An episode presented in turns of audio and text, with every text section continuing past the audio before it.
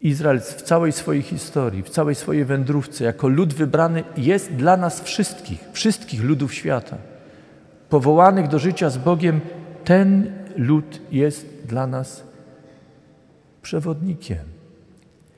Patrząc na historię tego ludu, słuchając jego pytań, jego zmagań, jego chwiania się, patrząc na jego upadki, ale i powstanie, na to, co nazywa lud Boży zapomnieniem go przez Boga, ale też patrząc na to, jak Bóg odnajduje i pamięta o tym ludzie, tym wszystkim odnajdujemy coś, co jest ważne dla nas dziś i teraz.